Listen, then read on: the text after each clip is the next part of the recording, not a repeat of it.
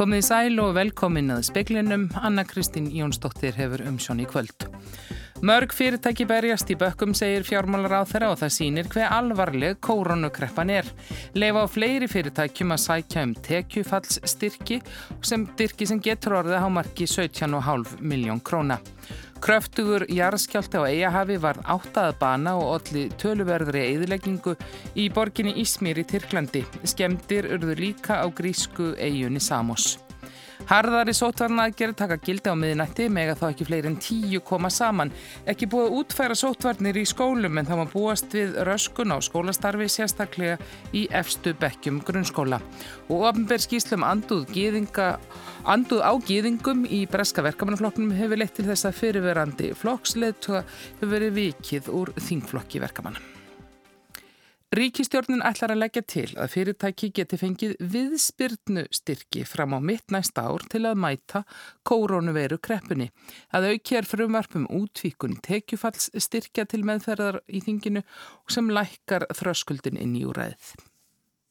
Láta að taka til fleiri fyrirtækja, stiðja alltaf fimm stöðugildi, ekki bara hjá fyrirtækjum sem hafa þrjá starfsmenn eða færri, heldur öll fyrirtæki sem hafa orðið fyrir verulegu tekjufalli Við munum að lengja tímabilið sömu leiðis, við munum horfa frá april til loka oktobermánaðar. 17,5 miljónir er hámarks tekjufallstyrkur ef fyrirtæki hafa orðið fyrir 70 til 100% tekjufalli. Þá var líka til umræða á ríkistjórnafundi í morgun að lengja hlutabótarleiðina um minga starfslutfall sem gildir núna til áramóta. Í nóvember verði svo lagt fram nýtt frumvarp um viðspyrnu styrki sem er gert ráð fyrir að verði veittir í framhaldi af tekjufallstyrkunum fram á mitt næsta ár. Viðspyrnustyrkjum er ætlað að tryggja að fyrirtæki geti haldið nöðsynleiri lámarks starfsemi á meðan að faraldurinn geysar.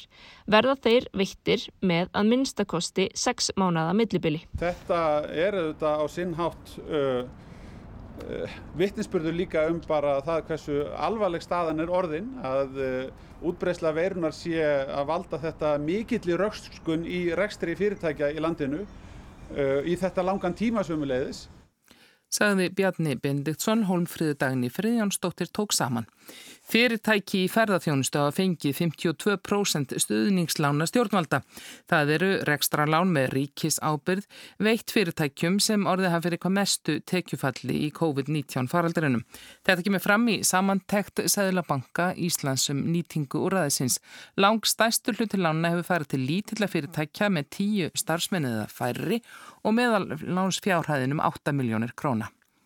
Að minnstakosti 14 létust þegar kraft mikill jarðskjálti reyði yfir á Eiahafi í dag, 12 í borginni Ísmir í Tyrklandi og tveir unglingar á grísku eiginni Samos. Þeir voru á leiðinni heim úr skólanum þegar húsveggur hrundi á þá. Upptök skjáltans voru á 10-16 km dýpi undir hafsbótninum norðan við Samos um 17 km frá henni fornaborg Ísmir sem einnig er þekkt sem Smirna. Að sögn grískra jarðvísindamanna var skjáltinn 6,7 stærð. Bandaríska jarðvísindastofnunin segir að stærðin hafi verið sjö. Yfir 400 slösuðust í Ísmir og nágræni að sögn tyrkneskra fjölmiðla. Tugir húsa hrundu í elsta hluta Ísmirborgar og sprungur komu í byggingar í héruðum langt frá upptökum skjáltans. Hann fannst meðal annars í Istanbul í Tyrklandi, í Aþenu, höfðborga Greiklands og á grísku eigunum Rótos og Krít. Á Samos var gefin út flóðbylgju viðvörun og fólk hvað til að forða sér frá ströndinni. Flóðbylgjan sem kom var tiltölulega lítil en nóg til að vatn flætti upp á götur. Þá var fólk beðið um að halda sig frá húsum sem skemmtust í skjáltanum vegna eftir skjálta. Margir töyir hafa mælst síðustu klukkustundir þeir stærstu yfir fjórir. Stjórnvöldi begja landa hafa bóðist til að aðstóða hvort annað við björgunarstörf. Í Ísmir hafði síðdeis 70 manns verið bjargað úr húsarústum að hver tyrkneskir fjölmiðlar höfðu eftir borgarífirvöldum. Frakkar hafa einni bóði tyrkjum og greikkjum aðstóð. Ásker Tómasson sagði frá. Theodor Elmar Bjarnason býr í Ísmir. Hann og kona hans Patra Sri Janonge bú á 21. hæð og þau fundu vel fyrir skjáltanum í dag. Já, við fundum mjög vel fyrir sig. Blokkin dúað öll, það var svolítið, svolítið óhugnarlegt en en ég menna maður er svo sem upplega ára skjáta eitthvað sem við fluttum en ekki alveg svona grafmikla. Við tókum bara eitthvað síman okkur og eitthvað dót og flutum niður tröppunar og dóðum að flutan eins og allir gerði. Þannig að það var þarna saman hann eitthvað 300-400 manns. Dóði frutan bara það var að býða hvort það kæmi einhverju eftir skjáltar strax eða, hvort eitthvað hafi skemmt í húsinu en uh, sem betur vel var ekkit, það var ekkit engin einmiski eða neitt í okkar húsi eða í húsunum í kring. Saði Theodor Elmar Bjarnason. Á miðinætti taka gildi harðari sóttvarna aðgerðir meðal annars með að þá bara 10 koma saman í stað 20. Lilja Alfredsdóttir mentamálaráð þeirra segir að unni sjáði að útfæra sóttvarnir í skólum, nánari reglugerðum skólahald verði kynnt sem fyrst. Trygt verði að kent verði áfram í skólum en með takmörkunum. Búast megi við raski vegna hólfaskiptingar sérstaklega í efstu bekkjum grunnskólans. Við, það sem við erum að gera núna um helgina, við erum að vinna reglugerðinni sem sem byggir á þessu minnisbladi. Það hefur ekki verið tekið ákvörðun um grímuskyldu fyrir yngstu skólastegin. Eitt af því sem mun gerast er að við erum að auka sóttvarnir í skólum landsins. Það eh, nefndur verða betur hólfaði en við munum tryggja það að skólahald verður áfram en með takmörkunum sagði Lilja Alfredsdóttir. Franski ríkisborgarar eru í hættu, hvar sem, hvar sem þeir eru í heiminum að mati franskra stjórnvalda. Þúsundir íbúi í muslimaríkjum í Suður Asju tóku þátt í mótmælum gegn frökkum í dag. Jean-Yves Le Drian, utarækisráð þeirra Fraklands, greindi frá því í dag að viðvörun hefði verið sendt út til frakka Erlendis um að líf þeirra kynni að vera í hættu hvar svo sem þeir væru stattir í heiminum. Í Fraklandi er viðbúnaður á hæsta stíi eftir að ungur öfga múslimi var þremur að bana í borginni Nýs í gær og særði nokkra til viðbótar. Mótmæli hafa verið í ýmsum múslimaríkjum frá því að Emmanuel Macron fórseti hér því á dögunum að skera upp herur gegn öfgasinnuðu múslimum og samtökum þeirra. Þau heldu áfram í dag eftir fyrstudagsbænir í Bangladesh og fleiri löndum í Suður Asíu. Í höfuðborginni Dhaka söpnuðust þúsundir saman, hrópuðust lagor gegn Macron fórseta og brendu eftir líkingar af honum. Leitói eins stjórnumálaflokks landsins sagði að Fraklandsforsetti hefði móðgað 2 miljardar múslima og ætti að byggjast afsökunar á glæpum sínum. Mótmæli gegn frökkum voru einningi í Afganistan og á Indlandi síndi minni hlutahópur múslima anduð sína í verki. Í nokkrum borgum Pakistans sapnaðist fólk einnig saman eftir föstudagsbænir og hrópaðist lagur gegn frökkum. Imran Khan, fórsættisráð þeirra Pakistans, hefur skorað á þjóðir muslima að vinna saman gegn því sem hann kallar vaksandi andúði Evrópu í gard muslima. Ásker Tómasson saði frá.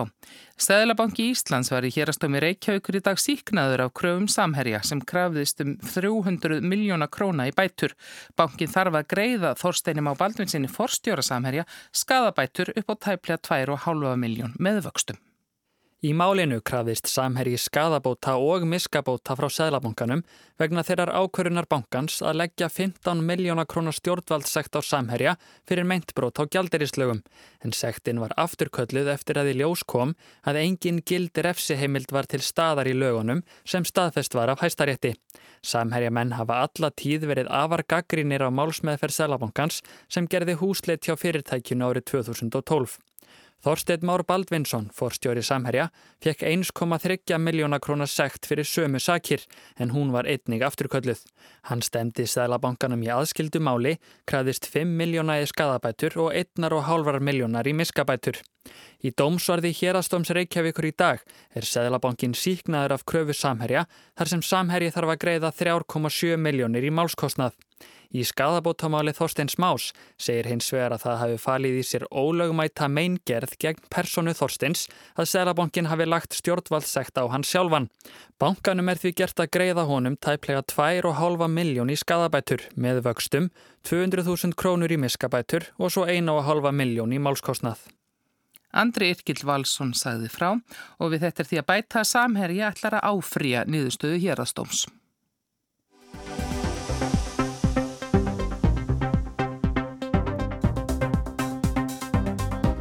Á miðnætti taka gildi en strángari takmarkanir en hafa gild og gilda nú sömu sótvarnar við miðum allt land, helsta breytingin að mest 10 með að koma saman í stað 20 og allt íþrótta og sviðslista starf er bannað til 17. november. Tilvöldnar gilda um allt land. Því mega sundlögar og krár út á landi ekki vera opnar þegar maður lokað á höfuborgarsvæðinu fyrir þreymur vikum og veitingastæðir þurfa áfram að loka klukka nýju á kvöldin.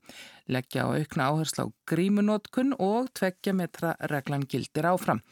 Þessar aðgerðir þýða að enn hægir á samfélaginu og staðan er grav alvarleg, segir Ástís Kristjánsdóttir aðstofa framkvæmdastjóri samtaka aðtunulífsins. Eh, við vorum með væntingar þess efnis að við værum allt öðrum stað núna en, en við erum í raun og nú er verið að herða aðgerðir enn frekar og það mun auðvitað hafa efnahanslegan kostnað í förmu sér og mun uh, hafa mjög mikil áhrif á mörg fyrirtæki.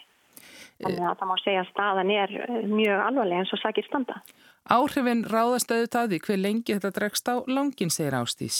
Höggið þingst á ferðarþjónustuna en áhrif er farið að gæta verulega í afleitum greinum. Aðtunuleysis horfur er ekki bjartar og útlitt fyrir að batinn í hagkerfunu á næsta ári verði ekki eins raður og spáð var. Stjórnvöld eru að koma með mótvæðisaðgerir til svona að reyna að, að milda höggið Um, og það eru þetta mjög jákvægt og, og þetta eru mikilvægar aðgerir fyrir fyrirtækin sem er að, að verða fyrir mesta tekju fallinu og ljóst að það þarf að gera meira eftir því sem að þetta ástand var í lengur. En hins vegar verður líka öll að, að horfa með raunsæðum augum á það að það er takmörk fyrir því hversu mikið er hægt að gera eins og sakir standa vegna þess að faraldurinu líka hafa áhrif á afkomi ríkisjós og við sjáum það að það er að fara að vera hér viðvarandi hallar ekstra næsta árum.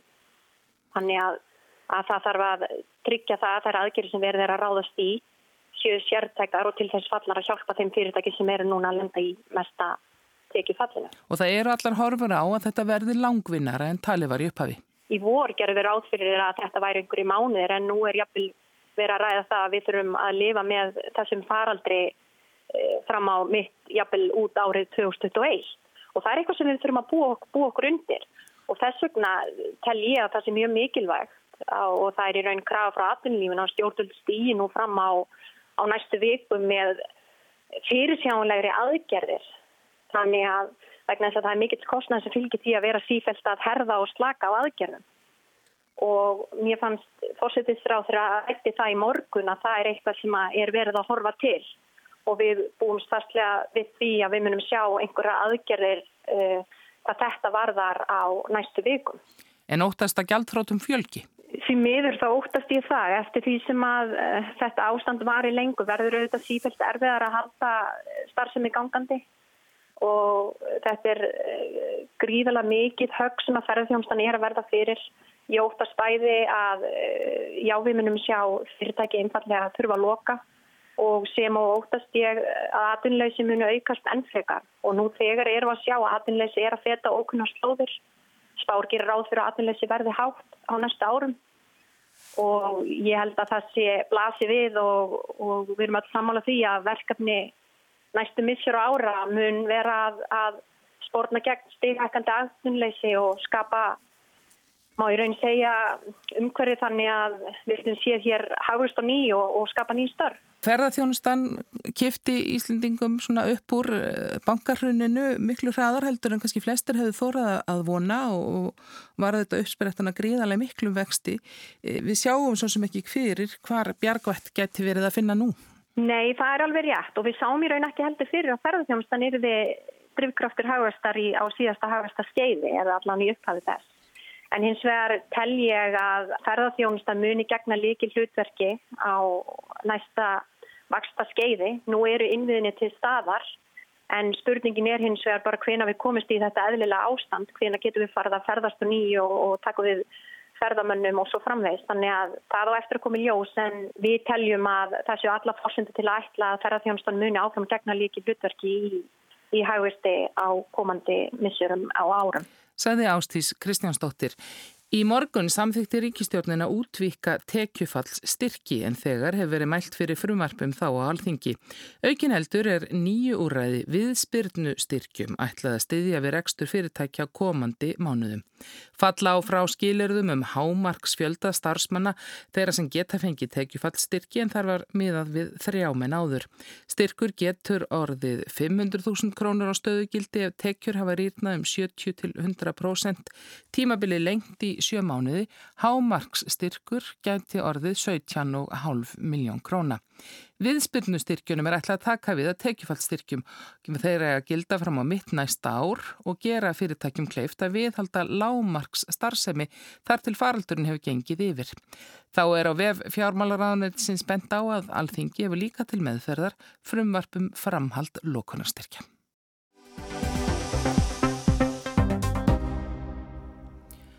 Af hverju velja unglingar í tíundabekk frekar bóknám en verknám eftir grunnskólan?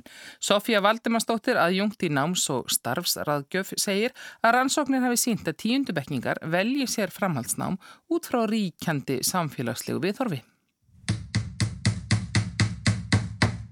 Rannsóknir hafa sínt fram á það er hvert vinnirnir vilja fara. Það er viðhorf foreldra, mikil áhrif þáttur. Síðan er þetta með skólana sjálfa skóli og skóli er ekki það sama. Það ríkir mjög mismundi viðhorf til einstakra skóla og það er þekkt að tala um bestu skólana og svona og hafa orðindar orðið áhugaverðar sveiflur í því. Og það má eiginlega segja að það sé hægt að tala um skólaval tíundubekkinga heldur en námsval. Og uh, þetta er sem sagt þetta hérna, ég, já ég ætla að fara í þennan skóla þegar það er spurt í, í fermingavislunum voruð ætlar að fara í skóla og hvað ætlar að fara að gera og ég, ég ætla að fara í MH ekki ég ætla að fara að læra ég ætla að fara félagsfræði bröð ég ætla að fara í MH eða ég ætla að fara í Vestló eða eitthvað slíkt. Þetta eru náttúrulega allt þættir sem að skipta mjög máli vanandi brottkvarf sem er dýrt og vandamál á Íslandi. Og það er dýrt í þeim skilningi að sko í fyrsta lagi þá er það umfangsmeira hér heldur en við annar staðar það er samfélaginu dýrt, það kostar að vera með skólan að fulla okkur akkum sem vil ekki vera þar. En það er fyrst og síðast eitthvað persónulega dýrt fyrir einstaklingin það er oft svo mikið skiprót í því að hætta eða gefast upp. Svo er það fleira, það eru náttúrulega við veitum í starfsrónafræðunum að þá er hugmyndir umfólks um störf. Það er mótast mikið af viðhorfum, það er mótast af fyrirmyndum og það eru kynjaðar þessar hugmyndir mikið og þetta með fyrirmyndirnar er eitthvað sem hefur daldi sérstakka og áhugaverða virkni. Það er nefnilega þannig að um, þú getur ekki vita að þið langi til að verða eitthvað sem þú hefur ekki séð. Fyrirmyndir eru augljóslega ættingar, foreldrar, afar, ömmur, fólki í kringum okkur, kennarar verða oft fyrirmyndir. En svo er fyrirmyndir líka mjög stert afl í dægurmenningu. Það er ekki mikið um píparaþætti á Netflix, skilur krökkunum er að byrtast aðrar fyrirmyndir eða sagt, fyrirmyndir úr öðrum starfandi stjættum heldur en píparar og flísulöfingamenn sko. En ef ég skilda rétt þá hafa rannsóknin sínt að börnum líður vel í verknámsgreinum í grunnskólanum ég vil betur heldur en í bóknámsgreinum. En það skila sér ekki inn í framtíðadröfuna um, Nei, þetta er rétt jáður sko, það hefur komið á daginn að þau tjá mörg hver að þeim finnist uh, list- og verkefnanámið kannski áhugaverðara á einhverjum tímapunkti en svo kemur það ekki til álita þegar það á að fara að velja. Og þá er aftur í raun og veru sama svarið, það er þetta að það eru önnur, það eru sem sagt ríkjandi samfélagslega viðþór sem að stýra meira. Því er haldið fram að starfið í grunnskólanum séð þannig miðað og unnið frá degi til dags að það eh, sé meiri áhersla á bóknámið og að það eitt og sér gerir það að barn sem gengur í íslenskan grunnskóla geti ekki fengið bara hreinlega aðra hugmynd en þá að maður eigi að vera bóknámsmiðaður í lífinu. Formlu fræðsla, hún er sannarlega einn af þessum áhrifa þáttum varðandi það hvernig hugmyndir ungmenna þróast í þessa veru og hvað við leggja til grundvallar ákvörnatöku.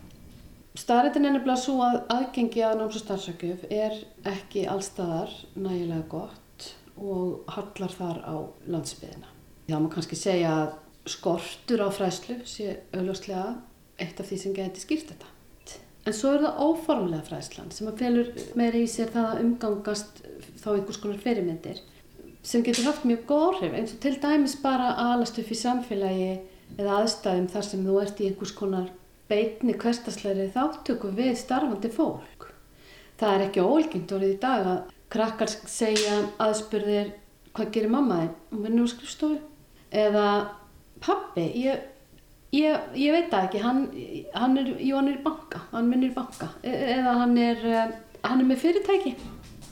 Ég er nú ekki að draga upp neina mynd þannig að sé einhver fyrring í gangi, einhver, einhver algjörður rof á milli þarna en, en það hefur sínt sig að krakkar sem er eins og segi svona í kvundeginum, í samskiptum og innan um starfandi fólk.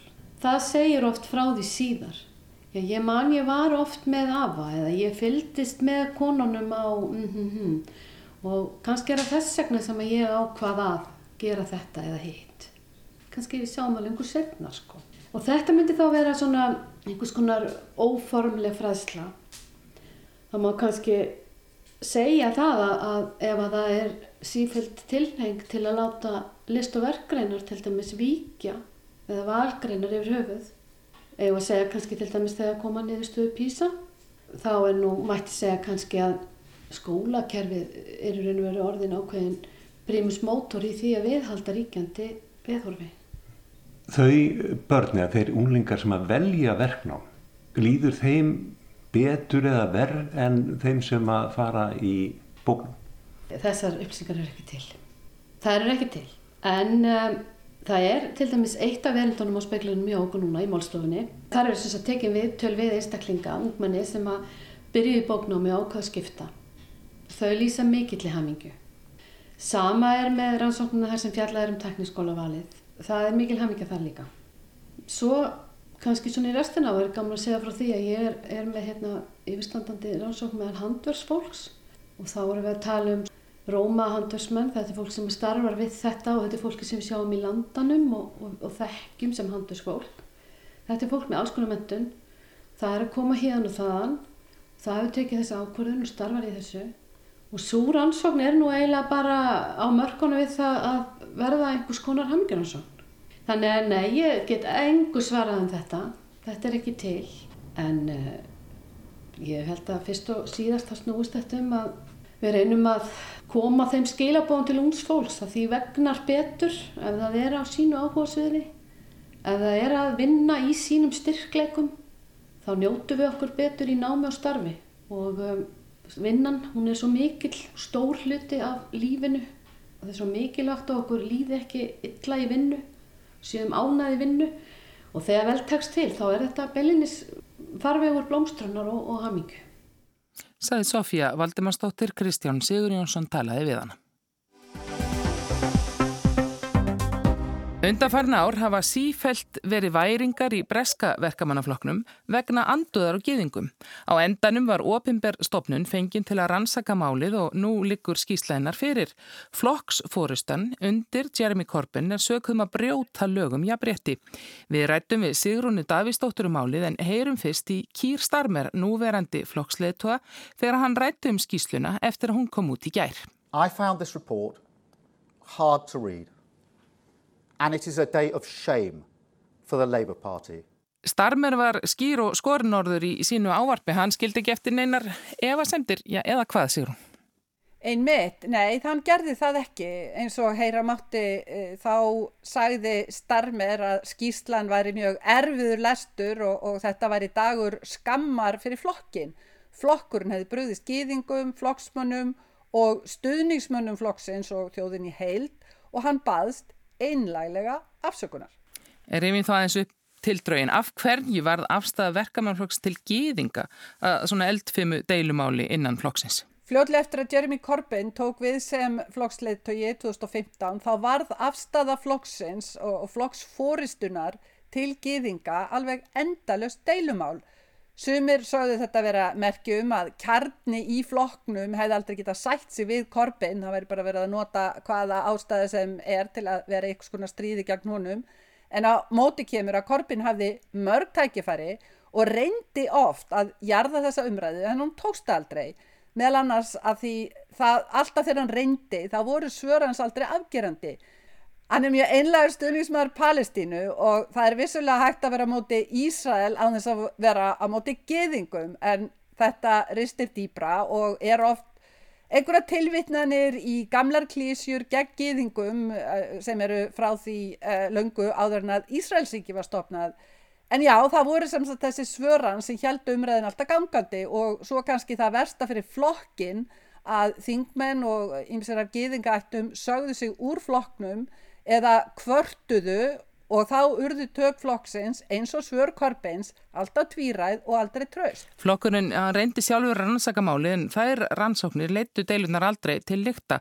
Hvað með þessar nefnd sem að rannsakaði máli núna? Hvers konar nefnd er þetta og, og af hverju fór hún í sauman og afstöðu flokksins til gýðinga? Nefndin heitir Equality and Human Rights Commission, jafnréttis og mannréttinda nefndin. Þetta er ofinbjörnstofnun, stopnu 2007 af verkamannaflokknum og það er auðvitað rifjað rifjað upp núna, smá kaltæðinni þar og hún var stopnuð til þess að fylgjast með framkvæmt jafnbrettislaga sem voru sett 2006.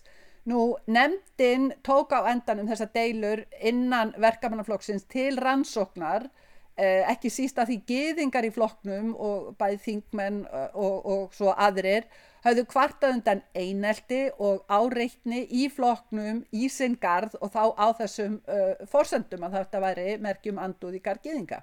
En hverja voru niðurstöðnar í stuttumáli? Á hverju var starmer að byggast afsökunar? Nemndin kemst að þeirri niðurstöðu að flokksfóristan undir leðsögn Korpins hafi þrý brotið jafnbryttislaugin. Brotin teikjast í að fóristan hafi haft afskipti af rannsóknum innan flokksins, rannsóknir sem átt að vera óháðar líka hrelt þá sem voru ósamálað þeim og síðan ekki veitt þeim sem átt að uh, fjalla um kvartanir uh, næga þjálfun til þess að sinna þessu með einhverjum tröstum hætti. Nú í viðbót er það svo ummæli framamanna eins og Ken, Livingstone fyrir borgastjóra höfuborgarnar af þessum sama toga og svo þetta Korbin sjálfs. Ateglin hún beindist auðvitað að korpi núna þegar skýslan kom út og það búið að reka núr þingfloknum en var það út af skýrslunni og niðurstöðum hennar eða viðbröðum hans? Það var alls ekki sjálf gefið að flokkurinn gripi til einhverja aðgerða gagvart korpin út af skýrslunni. Kýr Starmer hafi talað við korpin í síma kvöldi áður og uh, þá bara sagt að flokkurinn myndi taka þessu máli og það lág alls ekkit fyrir að þetta er því gert og, og skýslan gaf kannski heldur ekki tílefni til þess en þegar svo skýslan lág fyrir þá uh, kynir Korbin sína skoðun uh, og segir að vandin hafi verið íktur, þetta hafi ekki verið svona slænkjum einhverja prósendutölur um, um fjölda þeirra sem hafi kvarta og svo framvegis. Uh, í raun var þetta alveg eins og hann hefur alltaf svarað aldrei afgerandi svar og flokkurum var þá ekki það tvínuna, það er það sem að starmer hefur reynd að, að taka tröst á öllu svona og Korbin bara rekin úr þingfloknum uh, og það var án efa mikið áfall fyrir hann eins og heyra mátt í gær. Very shocked and very disappointed. I've been in the Labour Party all my life. Korbin saði þetta að vera mikið áfall, mikil vonbriði, uh, hann hefði verið í flokknum allt sitt líf og það er enginn vafi á því að flokkurinn hefur verið hans ær og kýr um, en hann undistrykkaði síðan rækilega að anduð gegn gýðingum ætti hverki rétt á sér en já, það var of sent og ekki nóg. Það hefur verið, verið eitt helsta markmið þessa nýja leittóa Gýr Starmes að ljarða þessa deilur sem hafa helteki verkefnaflokkinu undan farin ára alveg frá því að Korbin tók við sem flokksliðtói árið 2015. Mun Starmer takast þetta? Er þetta í raun deilur og átök, svona pólitísk átök millir vinstri og hægri vangja flokksins? Deilurnar hafa alltaf að hluta snúist um personu Korbins, um leittóatök hans, eh, eh, leittóa hæfileika og þá einnig verða á milli hans kjarnar sem er harði vinstri kjarni flokksins og svo miðsaknari krata eins og starfmið er kannski sjálfur. Nú kjarni málsins er auðvitað ákaft rættur og uh, við getum heyrt hérna hvað Pítur Mandelsson fyrrum ráðaraflokksins og einn hugmyndasmiðana í kringum fyrrum leðtoga Tony Blair Uh, hafði að segja í dag. It's about the values of what Labour is and what it stands for, not what policies it has. Mandelsson setti málið í sögulegt samhengi, þetta væri ekki deilur um hægri og vinstri eins og áður, heldur um grunngildi flokksins, sem sagt ekki stefnu, ekki hægri eða vinstri. En þetta mál og afstæðan til gýðinga á hún eftir að halda flokknum áfram í sífældu umróti eins og verið hefur? Það er kannski of snemt að segja en ef markam á fyrstu viðbröðin og líka þeirra sem standa nær korpin en, en starmer, þá er tilfinningin svo að nei, það sé lítill vilji til að halda þessum deilum áfram. Korpin vil reyndar láta rannsakamálið og aðtúa sinn rétt og svo framvegis en ég held að margir í flokknum hafi alveg skilið að það græðir engin á þessum deilum nema anstæðingarnir, eitthvað auðvitað stjórnanflokkurinn, íhalsflokkurinn uh, deilur í verkamannaflokknum veita íhalsflokknum smá frí frá aðdeglinni sem annars beinist að vandræðum hans og vandræðum ríkistjórnarinnar sem er veirufaraldurinn og brexit. Þakka ég fyrir Sigrun. Það verður sunnan strekkingur og skúrir á morgunin bjart fyrir norðan, lægir og stittir upp sent á morgunin fyrir að rigna austast og hitti verður bylnu 1 til 8 stig. Fleiri er ekki í speklunum í kvöld, tæknum aður í útsendingu var Ragnar Gunnarsson veriði sæl.